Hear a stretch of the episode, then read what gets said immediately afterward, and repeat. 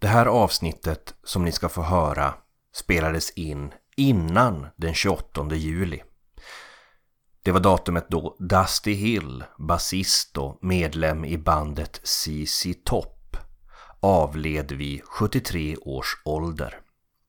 Vi kommer senare i det här avsnittet prata om CC Top, ett band som man kanske kunde tro inte hade mycket gemensamt med Peter Mark, Men så är alltså inte fallet.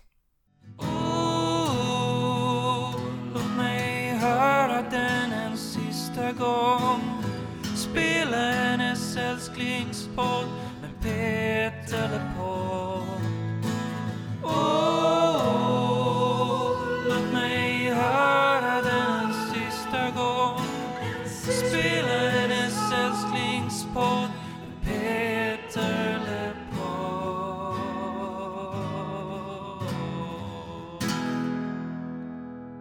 Välkommen hem!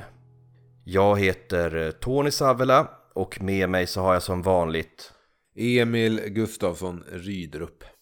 Du lyssnar på Peter LePod Sveriges enda och mest betydande podcast om Peter Lemarks liv och gärning. I detta avsnitt så gör vi vårt sista nedslag i Peter Lemarks Humble Beginnings. Det vill säga den sista av fyra skivor som Peter Lemark gjorde innan genombrottet med den vita skivan. Sen så kommer vi återgå till där vi var innan det här lilla, ska man säga sommarlovet? Avstickaren. den här lilla avstickaren, det här lilla sidospåret så ska vi gå tillbaka till var vi befann oss i kronologin det vill säga nästan i slutet eh, av Peter Lemarks eh, diskografi och eh, yrkesbana som liveartist. Men nu som sagt marmor. Och nu har vi då i alla fall tagit oss till MNV. Äntligen efter tre plattor på det här lilla hobbybolaget Trend så har ju Peter äntligen fått komma till MNV där han skulle stanna fram till slutet av 90-talet. Genom den här podcastens eh, avsnitt så har vi fått lära oss en del om Peters tid på MNV i exempelvis avsnittet där vi intervjuade Jonas Sjöström som var vd på MNV och som var med och signade Peter där. Och som tycker att den här skivan Marmor är rätt bra ändå. Vad tycker du Emil om att vi ska prata om marmor? Ja, jag har gått och tänkt på det här i veckan faktiskt. För känns det inte lite som att den här skivan ändå har en speciell plats i den här podcasten på något sätt?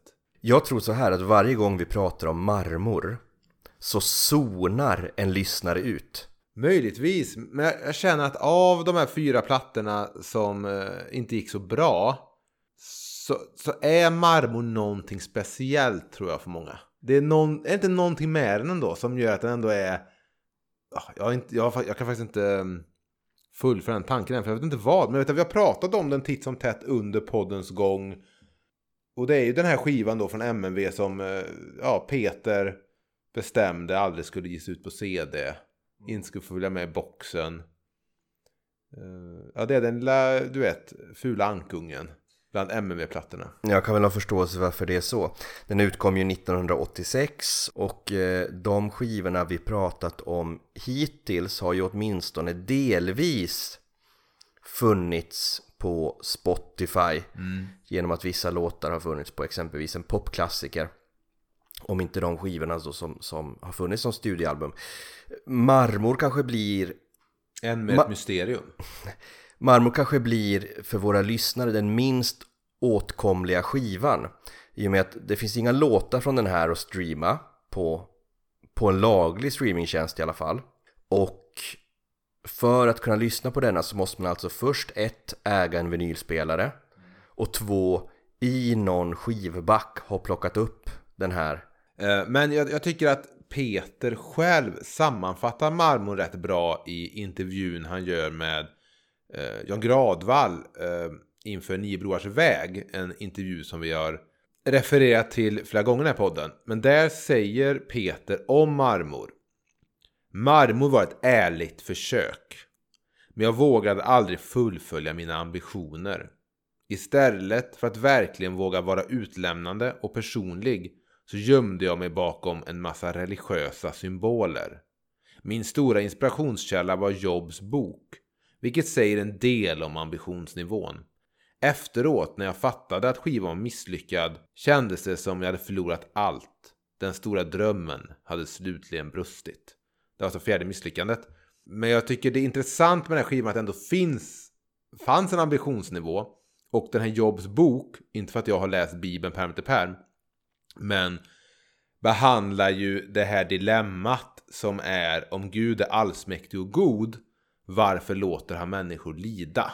Det så kallade teodise-problemet. Precis. Uh, nu har inte jag läst Jobs bok, men där låter Gud ju Satan ha lite kul med den här uh, Job som, uh, som har väldigt stark tro och väldigt stor tilltro till Gud. Han låter, Gud låter då Satan förstöra hans liv i princip. När man ska göra research om den här skivan så, så finns det ju inte jättemycket källmaterial. Nej. Det är Peters egna ord i olika intervjuer. Mm. Men exempelvis går man in och kollar på Wikipedia så står mm. det i princip ingenting. Och jag gjorde mitt livs första Wikipedia-redigering idag mm. när jag gick in på Marmors Wikipedia-sida och rättade informationen att skivan var utgiven på bolaget Trust. Mm. Något som du vet ingen har ändrat sedan det skrevs in 2009. Ja, något sånt. Och nu så i alla fall ändrat det till att den är utgiven på MNV då, vilket är korrekt. Har du också skrivit så här, kuriosa, bygger till stor del på Jobs bok. Jag funderar ändå på att man ska göra ett litet projekt av det här. Att de här tidiga skivorna vi har pratat om och ändå tillskansas åt oss någon sorts kunskap om exempelvis genom intervjuerna med um, Hasse och Anders på, på mm. Trend mm. Records och uh, Anders uh, Westgård som vi pratade med i Cirkus Cirkus avsnittet. Vi har ändå fått viss kunskap från källor. Ja. Så att vi skulle kunna bygga ut de här Wikipedia-sidorna med mer information och ange den här podden som källa. Är det här ett sätt för dig att inte behöva lämna podden nu när vi rör oss mot slutet? att när det här projektet är slut så, så flyttar podden över på Wikipedia. Ja, du kommer sitta sena kvällar och fylla i diverse fakta om eh, Peters tidiga skivor. Ja, det, det är kanske där det lutar mot. Om vi är snart så ska gå igenom låtarna på den här äh, skivan som på ett eller annat sätt gör upp med religion. Så kan man ändå bara säga att det jag tycker är intressant med skivan överlag är att det är en väldigt mörk skiva innehållsmässigt. För jag tycker att, jag fick sammanfatta det här med att säga att det är en skiva om skam, skuld och ens inre mörkers makt. Och jag tycker just att det finns någonting någonting mörkt i det där att hur Gud kan tillåta att vi ska bära allt det svarta inom oss, allt det mörka i oss som en tyngd under våra år på jorden. Och det tycker jag Peter i många av låtarna tar upp. Den är liksom, det finns en svärta i den här plattan som inte är den här, fan vi bråkade om om tandborstkrämstuben, inte det mörker, utan det finns ett annat mörker här om, om allt det, det, det kolsvarta och ruttna inom oss som vi inte riktigt kan eller, eller vågar liksom låta sippra ut eller visa upp för omvärlden hur det kan leda till att man exploderar och så här, och lite ett sökande efter sin plats på jorden. Och så jag, jag tycker mm. den, den, har en ambitionsnivå som Peter själv säger. Mm. Så jag tycker det är intressant. Sen, ja, det är en rockskiva i slutändan. Mm. Och det är det det är. Det är ju en rockskiva utan rock, skulle jag säga. Ja. Jag har ju... Tunga gitarren då, tunga riff på den här plattan. Ja, låt oss prata mer om det senare. Men, eh, nej men det är väl som du säger, eh, den står ju på något sätt med ena foten i någon sorts murder ballads skiva. Ja, och tynger på en. Ja, för det finns ett gäng mest troligen uppdiktade noveller om olika sorters desperata mördare människor under svår press och som du säger, de refererar ofta till Gud, människor med gudstro och som nu känner sig Lite, nästan, lite, svikna. nästan lite bergmanskt. det Det är lite där säga. varför vände Gud oss ryggen grejen lite. Nu är Mm. vi helt ensamma och utan någon kompass. Vi är som sjömän utan stjärnor. Problemet är väl att, som, som Peter sa där själv, att han kanske inte har gått hela vägen, eller inte vågat.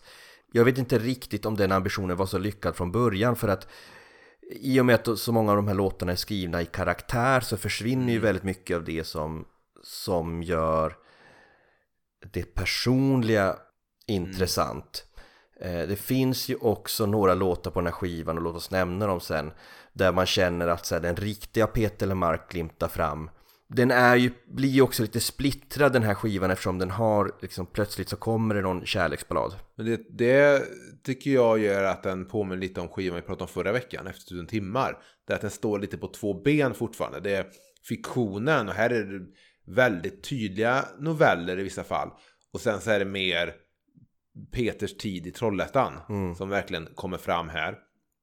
Det- Det som bör sägas som är intressant med den här plattan är ju att efter tre skivor som soloartist så startar han här sitt band Peter Lemark Trust. Eller Peter Lemark Trust. Jag vet faktiskt inte vilket av dem som stämmer. Men han vill ändå med, även om han startar ett band så vill han fortfarande ha med sitt namn, precis som i Trollhättan när- när hans band hette Peter Fransson Band. Men han väljer alltså att, att sätta ihop ett band då med en medlem från sitt gamla band Box 81, basisten här då, Bengt Ingmar Svävare.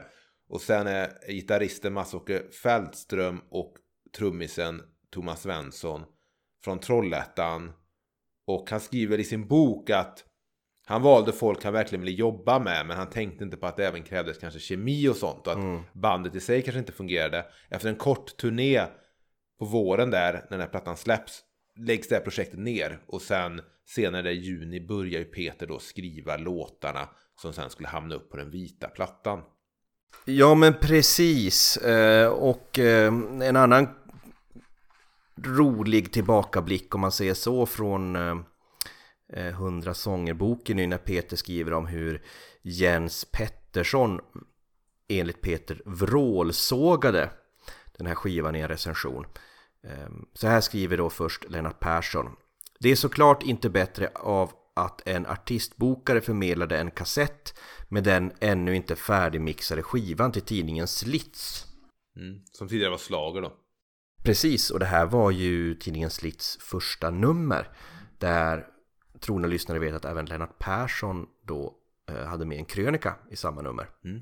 I alla fall, eh, tidningen Slits som gav tillbaka för gammal ungen ost genom att låta Jens Petersson vrålsåga den ofärdiga inspelningen. Citat Peter Lemark. Så en månad innan skivan gavs ut var den sågad längst med fotknölarna i landets ledande musiktidning. Jag insåg att jag nog inte skulle ha resten av pressen med mig heller. Jag hade fått en sista chans och jag brände den. Fyra plattor och ingen hade kommit över sålda 900 ex. Så det var finito. Jag gick in i en riktigt djup depression. Det här var ju en dröm som jag hade klättrat på i blindo och plötsligt var det som att alla trappstegen bara rasade. Vi har ju recensionen. Ja, och det här med att han blir vrålsågad vet jag inte riktigt om jag skulle hålla med om. Vi, vi kan läsa recensionen. Men jag förstår ju att fortfarande känslan kan vara så. När det kommer en tidig recension. Men ja, man får ju känslan här nu när man eh, läser, som vi strax gör den här recensionen, att det kanske i minnet har växt till en värre sågning än vad det var. Men Och sen tror jag också som artist så tror jag så här att det är svårt att se gråskalor när man står där med sitt nyfödda barn. samtidigt tror jag så här också, att det som nästan är värre för en skiva än en vrålsågning är kanske ett, ett, en axelryckning. För att det på något sätt väcker inget intresse. Nej, men jag tror man kan ta det som en sågning. Så här skriver alltså Jens Pettersson och jag förutsätter att det är samma Jens Pettersson som idag eh, skriver i Aftonbladet. Av att recensera film. Mm. Har aldrig haft några större problem vill jag bara säga med hans filmrecensioner. Så här skrev i alla fall han om Peter Lemark Trust Marmor utgiven på MNV. Två stjärnor får skivan. Först tyckte jag illa om den här plattan för att den kändes konstlad och fejkad. Jag hörde en god imitatör av olika stilar och känslor men ingen egen personlighet eller röst. Men så småningom hörde jag att det där delvis är meningen. Peter Lemark använder låtarna för att ge röst åt olika figurer och karaktärer. Det är inte han själv utan en rad fiktiva personer som talar i sångerna. I låten I Faderns, Sonen och den heliga Andens namn är det till exempel en ångerfylld mördare som talar ut. Vill man se det snällt kan man alltså jämföra Lemark med Randy Newman och andra som jobbar på, på det viset som låtskrivare. Allt det där är underordnat den övergripande frågan. Fungerar det? Är det kul att lyssna på? Är det här en skiva man verkligen vill spela? Tja, för mig låter Peter Lemark fortfarande som en imitatör. Men visst får han till det riktigt bra ibland. Och han har ett musikaliskt språk som tilltalar mig. Det är duktigt spelat och arrangerat och Lemark hittar några fängslande melodier. Men han har ett sätt att nöta på varje idé. Det finns ofta bara en till varje låt, vilket gör i synnerhet upptempo-numren tjatiga. För mig är det här ändå lättviktigt. Bakom alla stora ord och starka känslor. Det handlar om att tro eller inte tro och i det här fallet förbli en skeptiker. Men Lemarks goda hantverk, både texter och musik är oklanderligt tillverkat, kanske kan övertyga andra. Och för att besvara min tidigare fråga, den här plattan kommer jag nog inte att spela. Och då ställer jag mig frågan. 2021. Håller inte Peter Lemark med om det mesta här? Troligtvis. Ja, och jag håller nästan med om allt han skriver där. Mm. Ja, jag tycker han har rätt. Det finns mycket bra här, men eh, det är mycket idéer som tjatas sönder och det är en skiva som inte riktigt håller hela vägen. Jag har lyssnat väldigt mycket på den nu Mm. på grund av att jag ska prata om den i podden. Eh, och som ett liksom, vad ska man säga, för att, för att man är inne på ämnet Peter Lemark. Mm. Men jag är inte helt säker på att jag har nöjeslyssnat så mycket på den. Det finns låtar här som jag gillar, Mm. som jag skulle kunna plocka ut. Men, men helhetsupplevelsen, där lutar jag mot vad Jens Pettersson säger. Jag kan hålla med om, om det han säger i det här. äh, Men vill jag verkligen spela den här plattan? Men jag faller nog över till ja.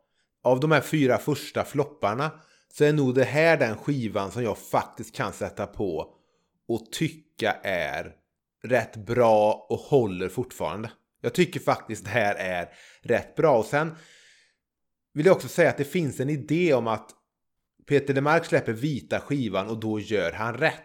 För då får han sitt genombrott och då får han sin publik. Och då måste detta på något sätt vara fel.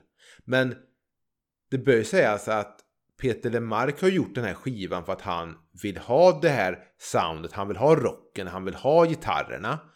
Och det vill han även ha när han var med i Box 81. Och sådär. Och man märker även det när han spelar live sen att han... Det är fart i han. Är en rockig jävel. Och han har nu växt upp med Springsteen och Stones och det här. Det vill jag bara säga att Peter Lemark är och alltid varit en rockig jävel.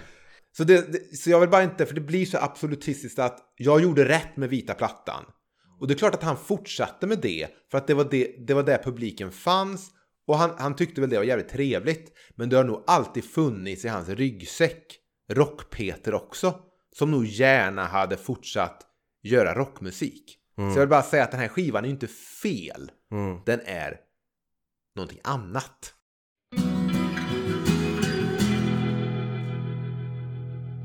Skäl att leva, Tony. Ja, det är första låten på eh, Marmor. Jag gillar att plattan startar med nästan bara som en olycksbådade vignett. Det låter nästan som en, eh, en, film, en filmbolagslogga i början. Och sen går vi igång och det är rock. Rockartisten Peter Lemark lever vidare. Jag kan tänka mig att de få tidiga fans som Peter Lemark hade, som hade följt med han från Buick, måste haft en lite schizofren upplevelse för varje skiva som kom. Tänk de som hoppar på tåget med Buick. Ja, och bara sådär, åh fan det här är kul, synt. Smart syntpop. Och så köper de nästa skiva, och så plötsligt är det soul. Mm. Ja, och så köper de nästa skiva efter tusen timmar och slår igång Sen andas jag en stund med dig och sen är det någon sorts bredbent Heartland rock och nu inför marmor så köper de den, slår igång och vad hör man då? Att då hör man CC Topp. Det visar väl att, att Peter dels har en, en stor skivback med ett spektrum av album i. Mm. Och jag tror också, och det är det jag också kanske ville mena lite med att han valde vita plattan och sen gå framåt med det. Att jag tror att han har ett väldigt stort musikintresse. Och det var nog svårt också kanske lite att veta vad det var han ville göra. För han ville ju han ville ju breaka, han ville nå fram. Så han, han testade ju olika saker tills han hittade rätt. Som då blev vita plattan.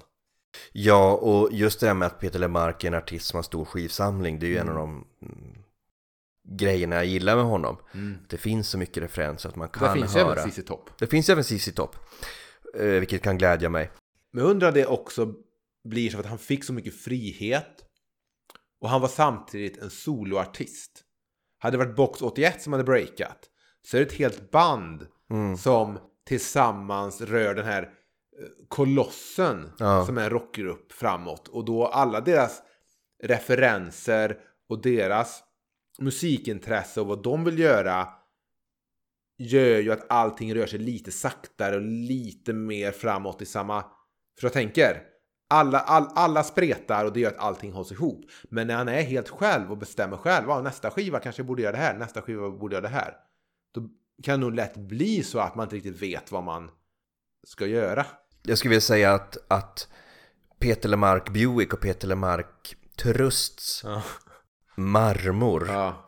låter som skivor från två olika personer. Men jag vill bara säga, Marmor låter fan som en riktig jävla skiva. Mitten av 80-tals rock har vi här. Det är feta gitarrer, det är rivigt, skäl att leva, då får vi in det här religiösa. Det här med elgitarrerna skulle jag väl bara vilja nämna att ehm, jag kan tycka att det är, det är lite gött nu eh, med det här rocksoundet. Eller det här liksom eh, mekaniska pumpandet. Som sagt som känns väldigt mycket CC Topp men jag upplever att elgitarrerna på den här låten främst, men det finns någon annan låt till känns, och jag säger inte att det är så, men det känns som att de är pådubbade. Som att de ligger som ett lager ovanpå resten av musiken.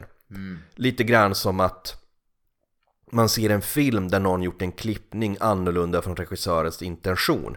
Alltså någon här har gått in och lagt på elgitarrer för att liksom göra den här hittigare. Och det känns som att det finns en låt under de där som, som inte riktigt får komma fram. Jag, jag har tänkt på hur mycket elgitarr ligger överallt på låtarna generellt på skivan. Och det du säger nu kände jag på en låt vi kommer prata om sen som heter Liten vän. Där det sticker in en elgitarr. Jag kände, här behövdes väl inte en elgitarr bara för att det stod en i studion. Nej. Nu kan vi lugna oss lite. Man behöver inte spela bara för att instrumentet finns. Men jag, kan jag bara få läsa faktiskt, för den här låten startar hela skivan. Gör det, gör jag bara det. läsa första versen så att folk förstår att ändå det mörkret som finns. Ja, som sen kanske inte Peter riktigt skulle, skulle liksom gräva i på senare plattor. Får vi bara, kan bara beskriva det att ehm, texterna på den här skivan är skrivna inte med verser.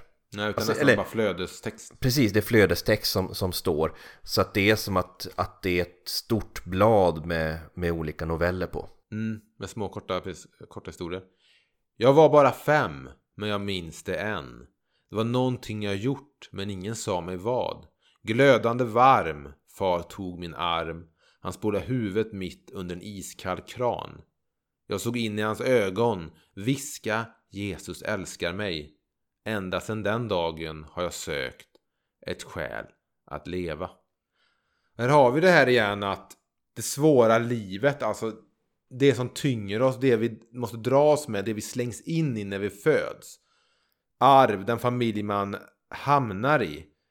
Att vara vilsen, att inte känna sig hemma i världen. Det känner jag väldigt tydligt på den här låten. Att det är människan som, som söker och har farit väldigt illa.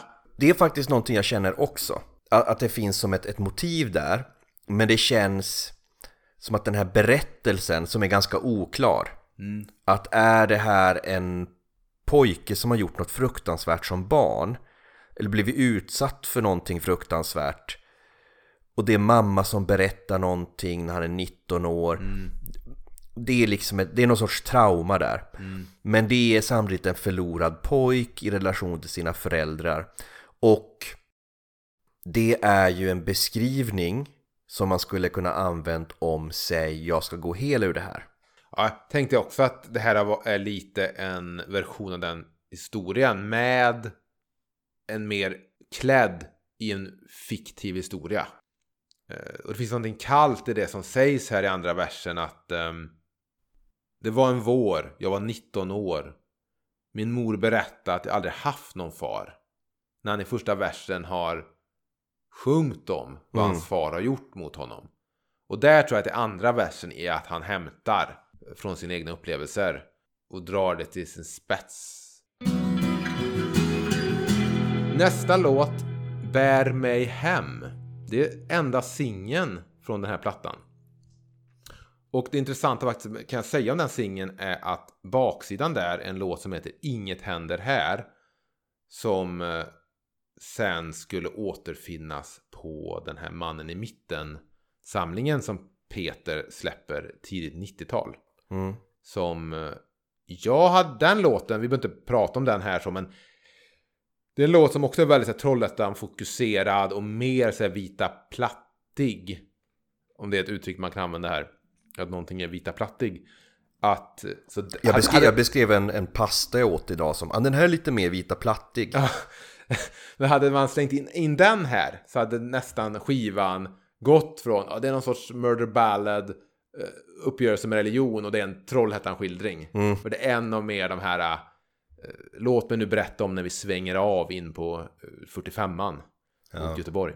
Bär mig hem hamnade faktiskt sen som B-sida på Vänta dig mirakelsingeln. Och det man kan utläsa ur det är att Peter tycker troligtvis att Bär mig hem är en av de starkare låtarna på den här skivan. Och det tyckte ju också Jonas Sjöström, VD på MNV, när vi pratade om honom. Han pratade om det som en av skivans stora behållningar. Någon har lagt upp en recension av ett gig i Örebro 86 med Peter Lemark Trust. Där han beskriver en inställd konsert för ingen dök upp. Hur det bara är några få i lokalen och Peter Lemark går runt och äter på en smörgås. Ja. Och eh, försöker så här förklara bort varför inga dök upp. Med att ja, men det är Melodifestivalen i, ikväll. Vilket inte stämde. Det var inte Melodifestivalen den dagen. Och, och då skriver den här personen som skrivit den här recensionen eller den texten om den, den inställda spelningen att, eh, att Peter också sa att men det var succé i Trollhättan igår. De älskade Bär mig hem. Så ehm, mm, det var väl också låten de kanske avslutade eh, giggen med väl ja. På den här tiden. Det är en fin låt, den är mer vita plattig. Bär mig hem. Jag skulle vilja säga att plötsligt så står han där. Peter Lemark. Vad jag har längtat efter honom.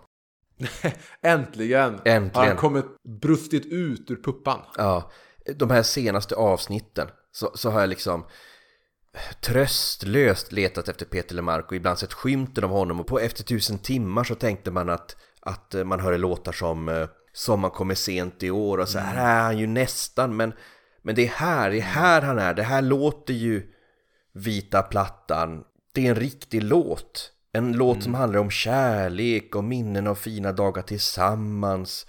Produktionen kanske inte riktigt är vita plattan rakt igenom men det är inte långt ifrån. Det finns en soul och det finns en gospel och det finns eh, kör och det finns en tro på mellanmänskliga kontakter. Alltså jag, jag tycker det är en, en jättefin låt. Och här använder han ett av sina favoritord, älskling. Bär mig hem, bär mig hem, älskling. Och jag ska vara lycklig. Och jag älskar dig över allt annat. Älskling, innan mitt hjärta har stannat. Jag ber dig, bär mig hem. Till skillnad från att använda baby, som kom hem till baby. Och Men Det är synd att den här låten faktiskt inte finns att streama. Att de inte lägger upp alla singlar från MNV-tiden. Då hade den här dykt upp. Det finns ju bara Sonys singlar upplagda på Peters Spotify. Och jag ser inga religiösa motiv i låten, så då är det mer av en ärlig, möjligtvis till och med en Trollhätte-skildring. Låten efter då, Bär mig hem, en singel som då inte fick den här skivan att lyfta tyvärr, men är Marmor. Ett titelspår. Mm. Så jag har inte någon direkt aning om vad den här låten handlar om.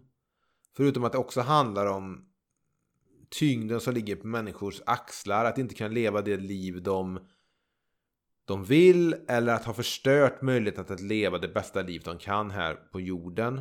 Här går ju refrängen då. En dag ska jag stå i marmor. Ändå att det finns någon tro på att leva ett annat liv. Det finns något annat än det man, det man står fast i. Vi har också här religiösa inslag som Herren är min herde, mig skall intet fattas. Han låter mig vila på gröna ängar. Han för mig till vatten där jag finner ro.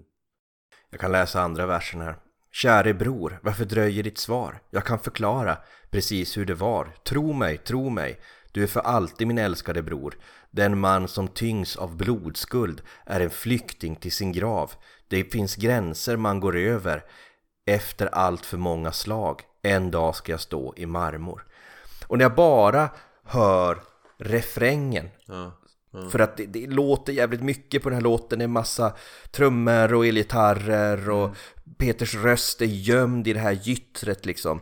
Så det är ganska svårt att koncentrera sig på texten, men så hör jag refrängen En dag ska jag stå i marmor. Då tänker jag så här, okej, ja men den handlar kanske om de här första åren han har kämpat och han har fortfarande liksom inte, du vet, slagit igenom, men en dag ska han fan stå i marmor. Men det är inte det vad låten handlar om. Jag vill inte, jag vill inte liksom koppla alla låtar till mordhistorier. Men det spontana jag fick är att det handlar om någon som har gjort någonting oförsvarbart, något mord eller någonting och ber sin bror. För den börjar också med kära bror, säg farväl till min vän. Kyss hennes mun och- trösta henne. Sen som att säg farväl för mig för nu försvinner jag bort. Men en dag ska jag komma ut från fängelset eller min tid på flykt och då ska jag stå i marmor. Då ska jag kunna vara den jag har, har potential att vara men jag misslyckats att vara för att mörkret i mig tagit över på ett eller annat sätt. Låt nummer fyra, Min kärlek är en pistol. Min kärlek en pistol. Förlåt mig. Låt nummer fyra, Min kärlek, en pistol. Mm, här är vi tillbaka också med religiösa. Jag lämnade mitt hem på domsöndagen. Det var då jag for ifrån min familj. I två år har jag nu flackat planlöst kring. Jag vet ännu inte vad jag vill. Jag har slutat tända ljus för döda själar. Jag tål inte mitt eget porträtt. Jag är bara en i raden på ungkarlshotellet som inte skiljer orätt från rätt. Det var så min kärlek blev en pistol. Eh, jag tror det är samma sak här. Någon som har begått ett gigantiskt misstag. Någon som har förstört någonting. Allt det där som Gud inte borde tillåta oss att göra genom att ge oss fria val och ett inre mörker. Alltså att när ens kärlek blir någonting destruktivt, när man kan förstöra någonting, en familj eller en, en, en kärlek eller en käresta. Då blir ens kärlek till en pistol. Ja, och han avslutar ju med att sjunga Gud välsigne barnen med vita munnar, Gud välsigne deras mor. Men välsigna inte mig, det är för sent. Jag dömdes redan innan jag for. Det är så min kärlek blev en pistol. Jag tycker det här är en skitbra låt. Jag tycker det är en bra text. Jag, jag tycker det här är en av mina favoritlåtar på skivan. Jag tycker den är... Jag, jag vill fan säga att den är riktigt, riktigt bra. Mhm. Jag, jag ger dig marmor. Jag Mm. ger dig... Dag ska jag stå i marmor. Att det, den är vad den är. Men jag tycker att det här är en eh, riktigt bra... Både textmässigt, men jag tycker också låten är riktigt bra. CC Toppig. Och du pratade väl med en person som berättade att det funnits en ambition att låta som Cissi Topp? Ja, jag pratade lite med Thomas Svensson som trummar på den här och sen skulle följa med Peter in i eh, Eh, in i den här Regndag Västerhav singelinspelningen där på sommaren 86 och, och spelar ju på Jag ska gå hel ur det här på vita plattan. Vi pratade lite och då eh, nämnde han att ZZ Topp var eh, med, indirekt eller en direkt inspiration. Att det var det som snurrade då och det man lyssnade på. Jag tycker ju att eh, trummorna och basen påminner om det man hör på Got You Under Pressure eller Legs från Eliminator 83. Under turnén här som Ja. Peter Lemark gjorde här med Peter Lemark Trust. Hade de långa orangea skägg? Nej, det hade de inte, men de spelade en CC Top cover live. Ja, vilken låt? I'm bad, I'm nationwide. Får jag säga en till bara så här personlig koppling jag har till Petter Mark förutom att vi uppväxt i samma stad och att vi båda är servitrissöner? Får inte jag prata mer om Cissi Topp? Jag älskar verkligen Cissi Topp. Du får prata mycket om sist topp men jag har inte så mycket att tillföra. Nej, men att när jag, jag växte upp ute i Överby i Trollhättan. Borta vid växthusen och köpcentret där ute i Borsen. Ett hus. Och eh, vårt hus hade en bondgård. Som inte användes men det hade varit en bondgård. Och där fanns ett gammalt hönshus. Och det hade min pappa inrett till en replokal. Där han spelade på kvällarna och vi satt ju hemma då och tittade på tv och hörde hur liksom basen eh, liksom lät in i huset. Och vi hörde elgitarrsolorna. Ibland gick vi bort och tittade in genom, genom fönstret där och för att se de här gubbarna dricka folköl och spela. Och när jag pratade med Thomas säger han att början av 90-talet då var han ute i det som då vi hade benämnt som speleboa kallas det. Och spelade. Så när jag alltså var liten och vi säger att mamma hade köpt Det finns inget bättre, så att det är 92 då. Mm. Och vi var hemma. Då var min pappa ute och spelade med Thomas Svensson. Som hade spelat på Jag ska gå hela det här. Så jag har hört hans trummor då genom väggen. Ja. Och varit lite så här sur att fan. Jag tycker ändå att eh, Räddningspatrullen eller Darkwing Duck låter lite bättre när man inte hör de där jävla trummorna och basen genom väggen. Men ja, men det är bara en koppling från när jag var liten då som inte jag visste fanns mellan mig och Peter Mark. Att eh, Mm. han och min far har delat trummis. Ska vi ta låt nummer fem? Eh, sista låten då på första sidan av den här skivan är I Faderns, Sonens och den helige Andes namn. Och den är intressant på så sätt att det verkligen är en berättelse. Eh, som inte nödvändigtvis nästan sjungs fram utan den, det är en blandning av sång och bara en uppläsning. Här, här går han ju verkligen in i den här karaktären. Det här är det som verkligen också brukar kallas en mördarballad. Ja, precis. Här finns ju ingen tvivel om den saken och vi är också här verkligen i Trollhättan. Och, och det har vi faktiskt inte ens nämnt ännu. Att det här är ju första skivan då Peter Lemark tar sig an Trollhättan. Mm, Om man inte räknar från husvagn i Bohuslän. Han nämner Trollhättan, men han, men han förstår ju att han rör sig från Trollhättan ner på SJ-bussen. Det är väl någonting annat. Här är det ju mer att han, även om man inte Mm. pratar om Trollhättan som han gör ur ett personligt perspektiv kanske, på vita plattan och framåt, så börjar han åtminstone nämna Trollhättan som spelplats här nu. Han låter också till och med om man, man vänder på det där diarréomslaget som marmor är, av någon anledning. Så är det också en bild på Trollhättan. Han vågar till och med visa upp sin födelseort och hemstad på baksidan av LP-konvolutet. Skulle säga, är det barndiarré som det här ser ut som? Eller vad skulle du säga att det ser ut som rent spontant? Jag tror så här att skivomslaget hade funkat bättre om det hade varit tintat vitt istället för brunt. Ja, om den skivan heter marmor ja, så hade det varit... Och sen så är inte eh, typsnittet så vackert. Nej, kan det möjligtvis vara Helvetica? Om, ni känner, om, ni, om någon där ute med, med sannolikhet kan säga att det är Helvetica så kan ni alltså mejla peterlepodd.gmail.com och bara skriva i rubrikraden Det är Helvetica. Men hur som helst, i Faderns, Sonens och den hela Andens namn så är det en berättelse om någon som bär på en stor skuld, en stor skam. För han har mördat en person. Och han vill prata med sin gamla konfirmationspräst som då jobbar ute i Gärdhems kyrka. Vet du vem som levde sina två första år här på jorden ute i Gärdhem? Var det du kanske? Det var jag. Vi bodde i något som tror jag heter Kavlegården där vid Hullsjön som ligger ute vid Gärdhem. Utanför Trollhättan. Vad är Gärdhem? Gärdem är ju bondeland utanför Trollhättan. Och där ligger, finns Hullsjön. Det är det jag vet som är en, någon sjö där det finns mycket fåglar. Och där jag tror många fågelskådare kanske hänger eh, rätt säsong och sådär. Och där vid något som heter Kavlegården växte jag upp med hönor i två år innan vi flyttade. Eh, och här då verkar det som att karaktären i låten har också kommer ifrån, eller i alla fall gjort en gått, gått och konfirmerat sig. Och nu är han tillbaka här, går dit eh, barfota i snön för han måste prata med den här prästen om att han har mördat ett flickebarn. Och eh, slängt kroppen i Trollhättans kanal. Det är vid järnvägsbron ni vet. Där man kan komma över till Spikön för er som någonsin har promenerat i Trollhättan. Och sen slutar det upp med att när prästen kanske inte tar emot hans historia så bra och förlåter honom med en gång utan han säger att eh, det är svårt att finna bot för vad den här karaktären gjort. Då slår han även ihjäl prästen. Mm. Guldbransen. Guldbrandsen. Jag, jag var nära att ringa Svenska kyrkan Trollhättan och fråga om det har funnits någon präst som heter Guldbrandsen. För det tog ju vara något efternamn. Eh, Men jag kände att den researchen ska vi inte behöva göra för att ta oss igenom det här avsnittet. Det finns en intressant melodisk lek i den här låten eftersom han rabblar väldigt mycket av texten.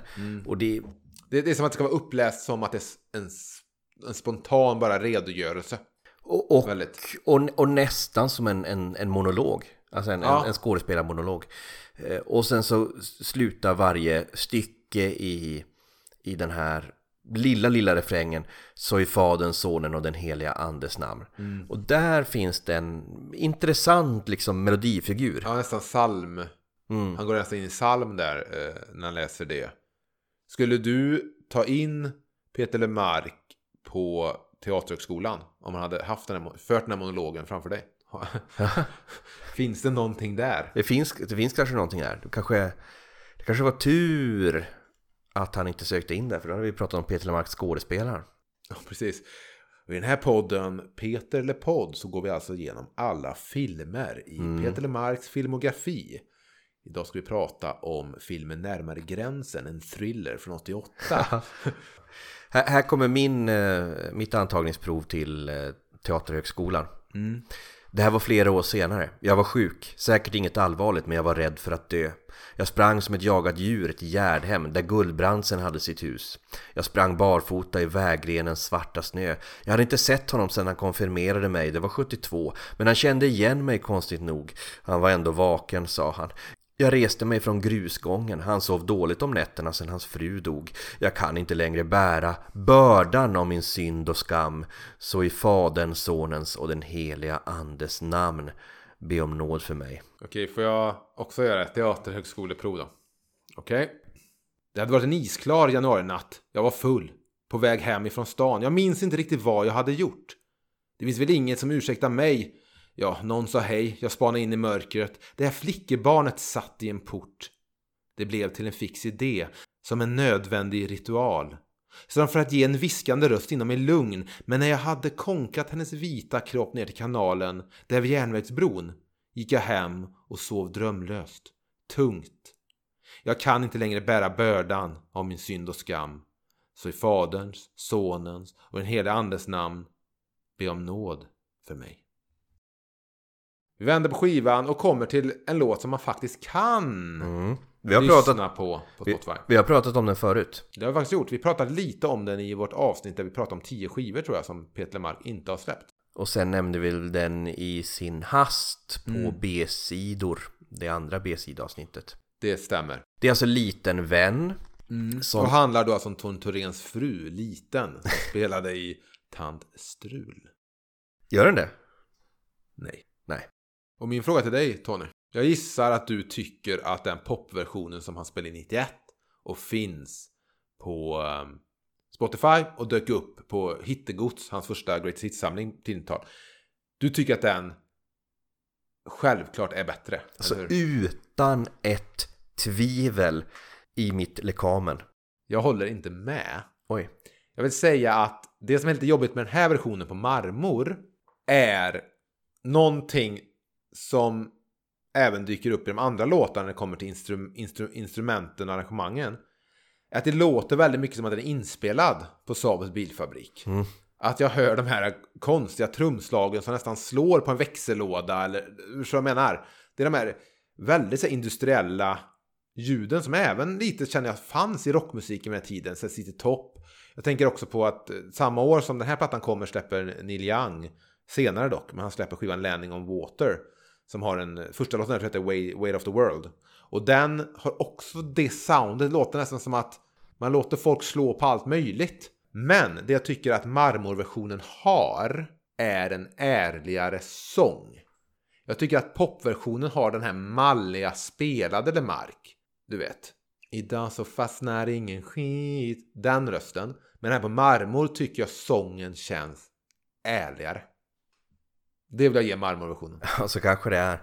Det, det jag bara hör här är en härlig låt gömd under massa bråte. Ja, bråte och en elgitarr. Som Ja. här kanske inte riktigt hade behövts att ligga där och sticka.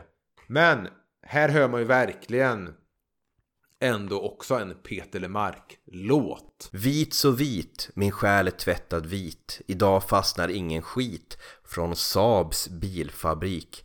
Gå genom Marie Albers park och andas lätt, lätt luft.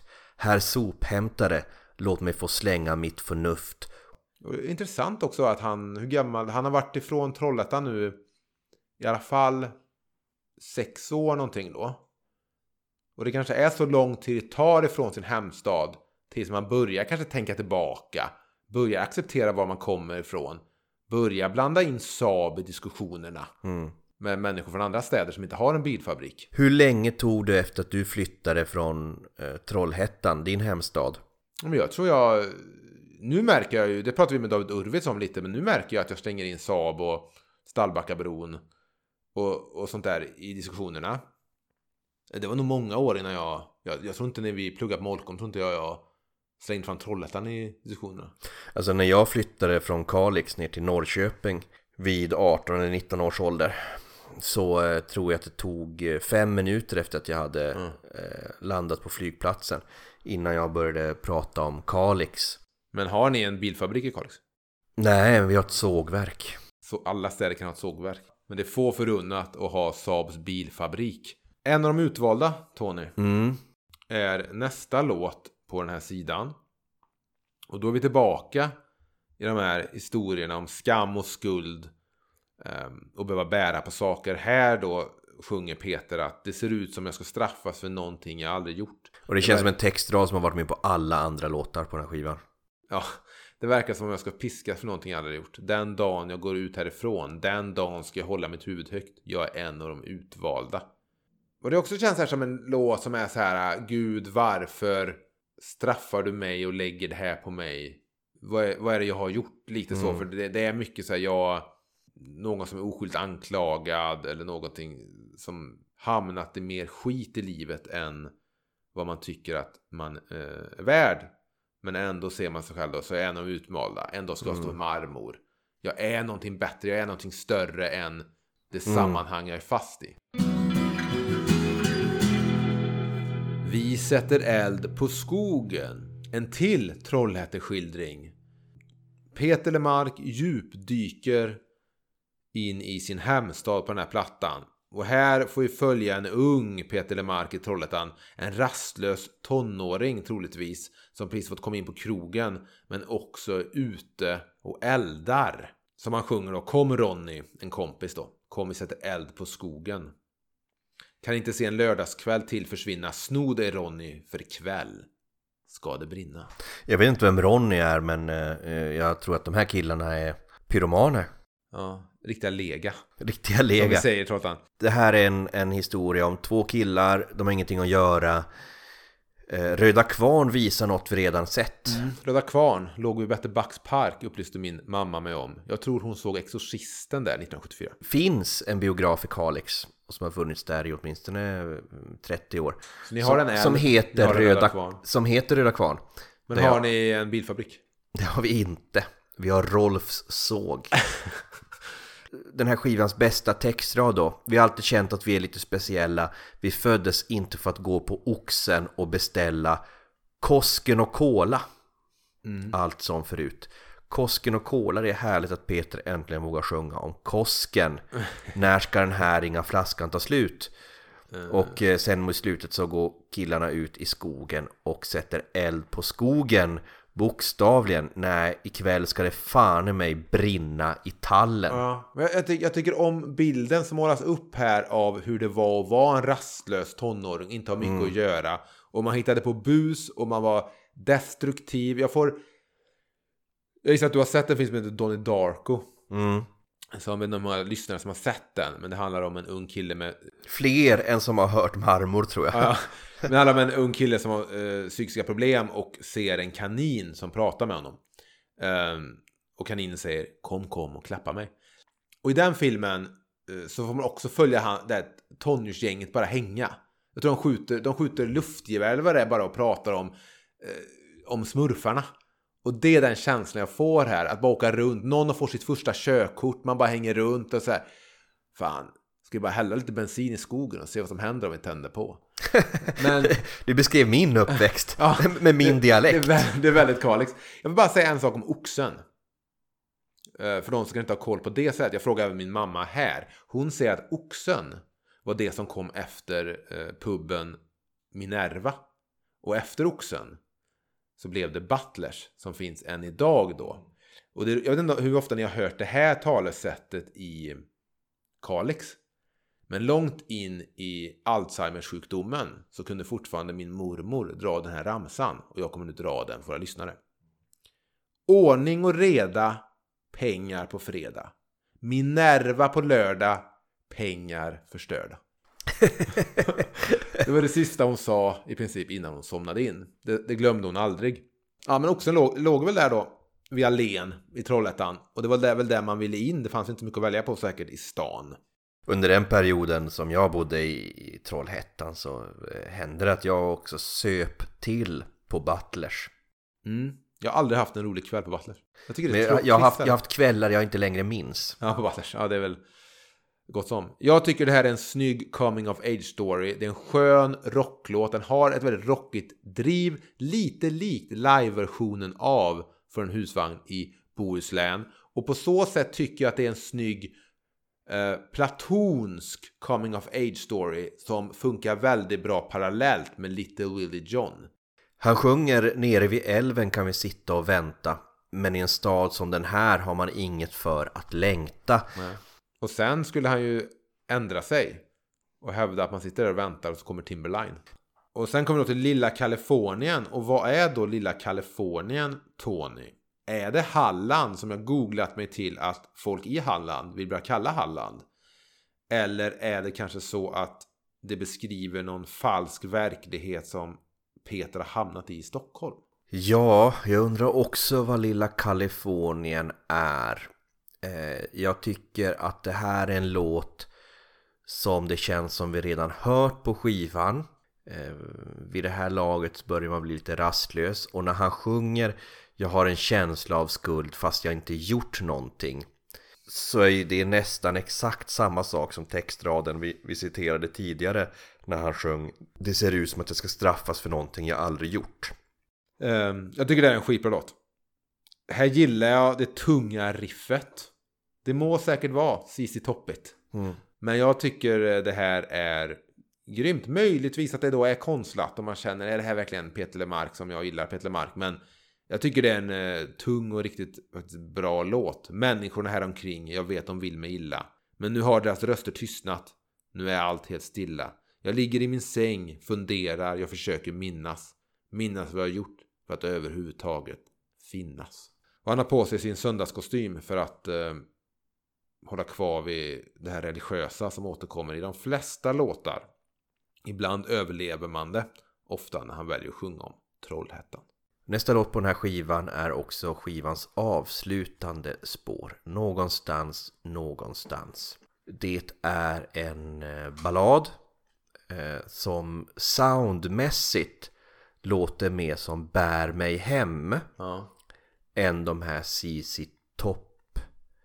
aktiga rocknumren vi nämnt tidigare. Jag kan läsa texten här som i den första versen.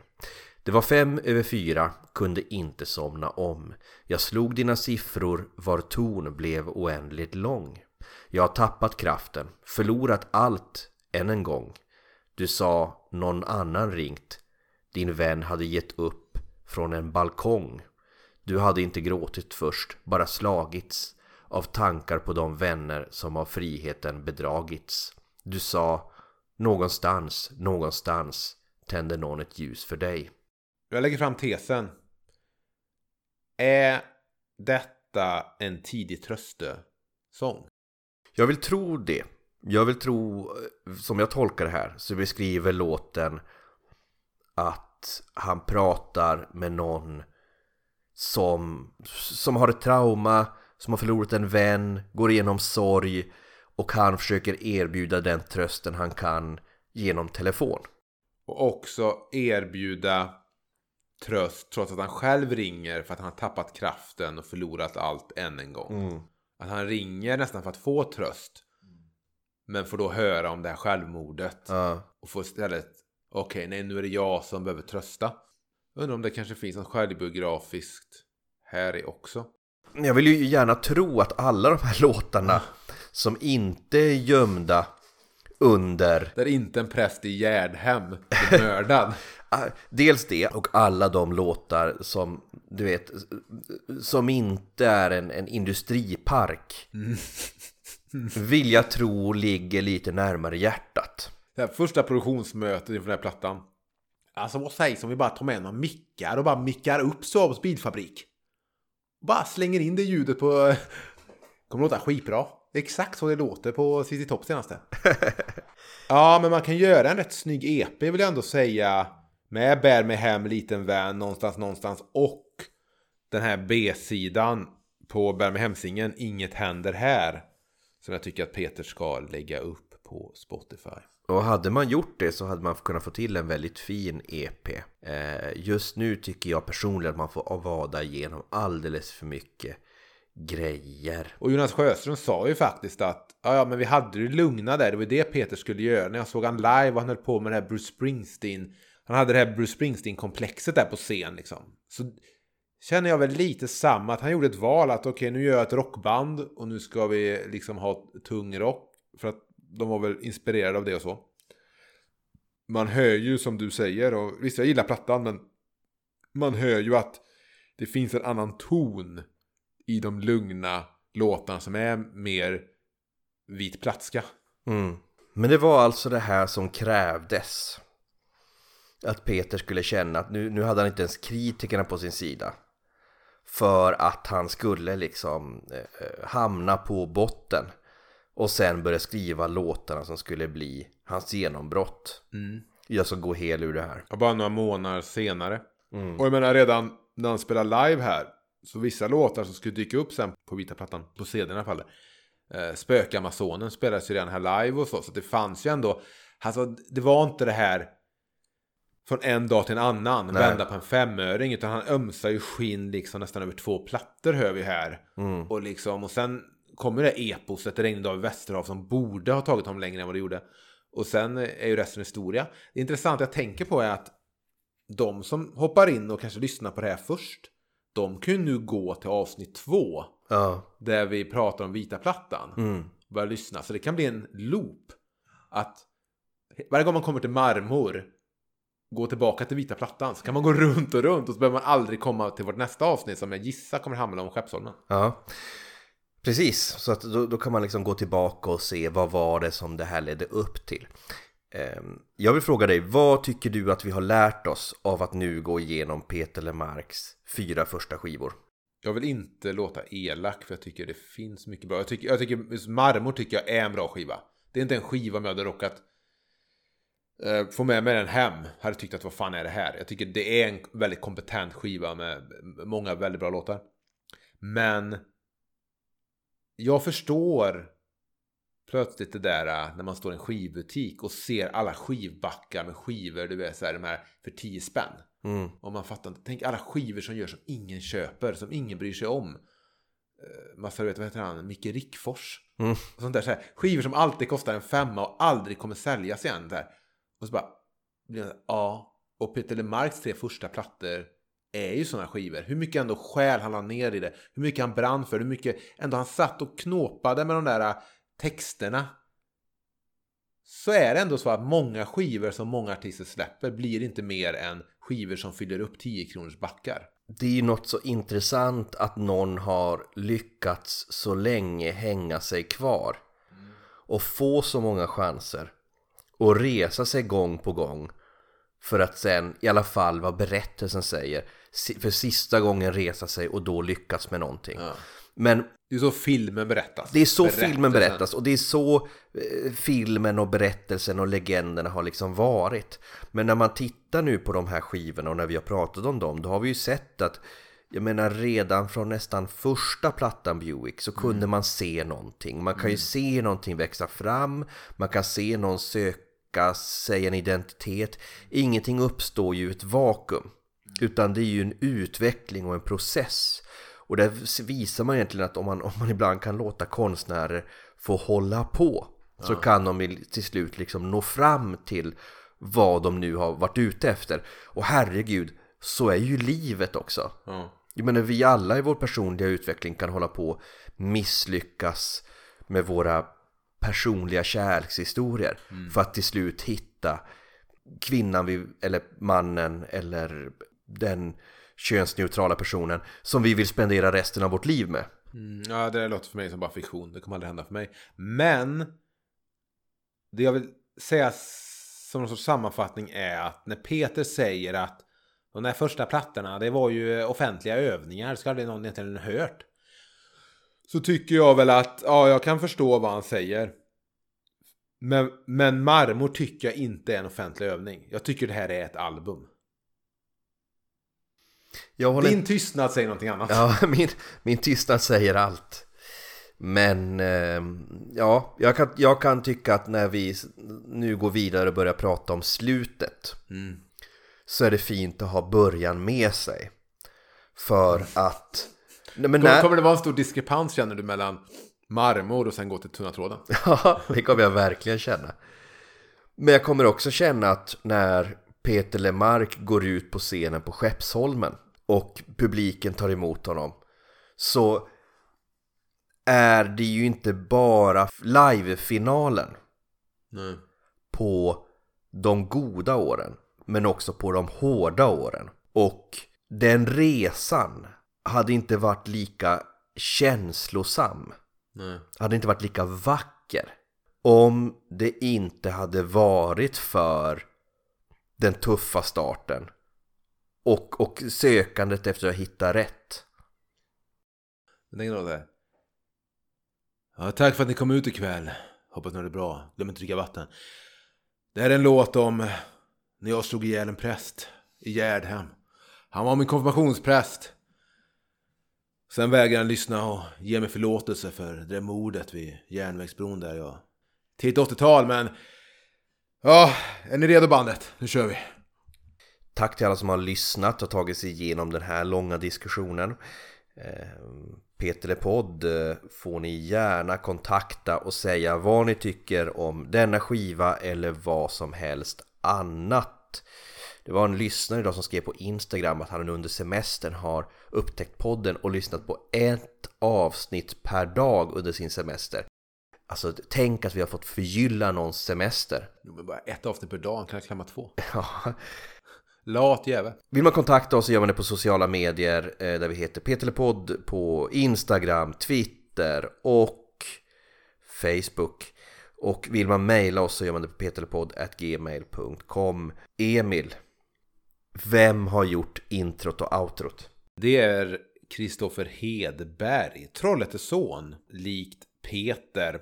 Och hans band då, Easy October, där han sjunger och är frontman. Easy October kan man lyssna på, till skillnad från Marmor, på Spotify.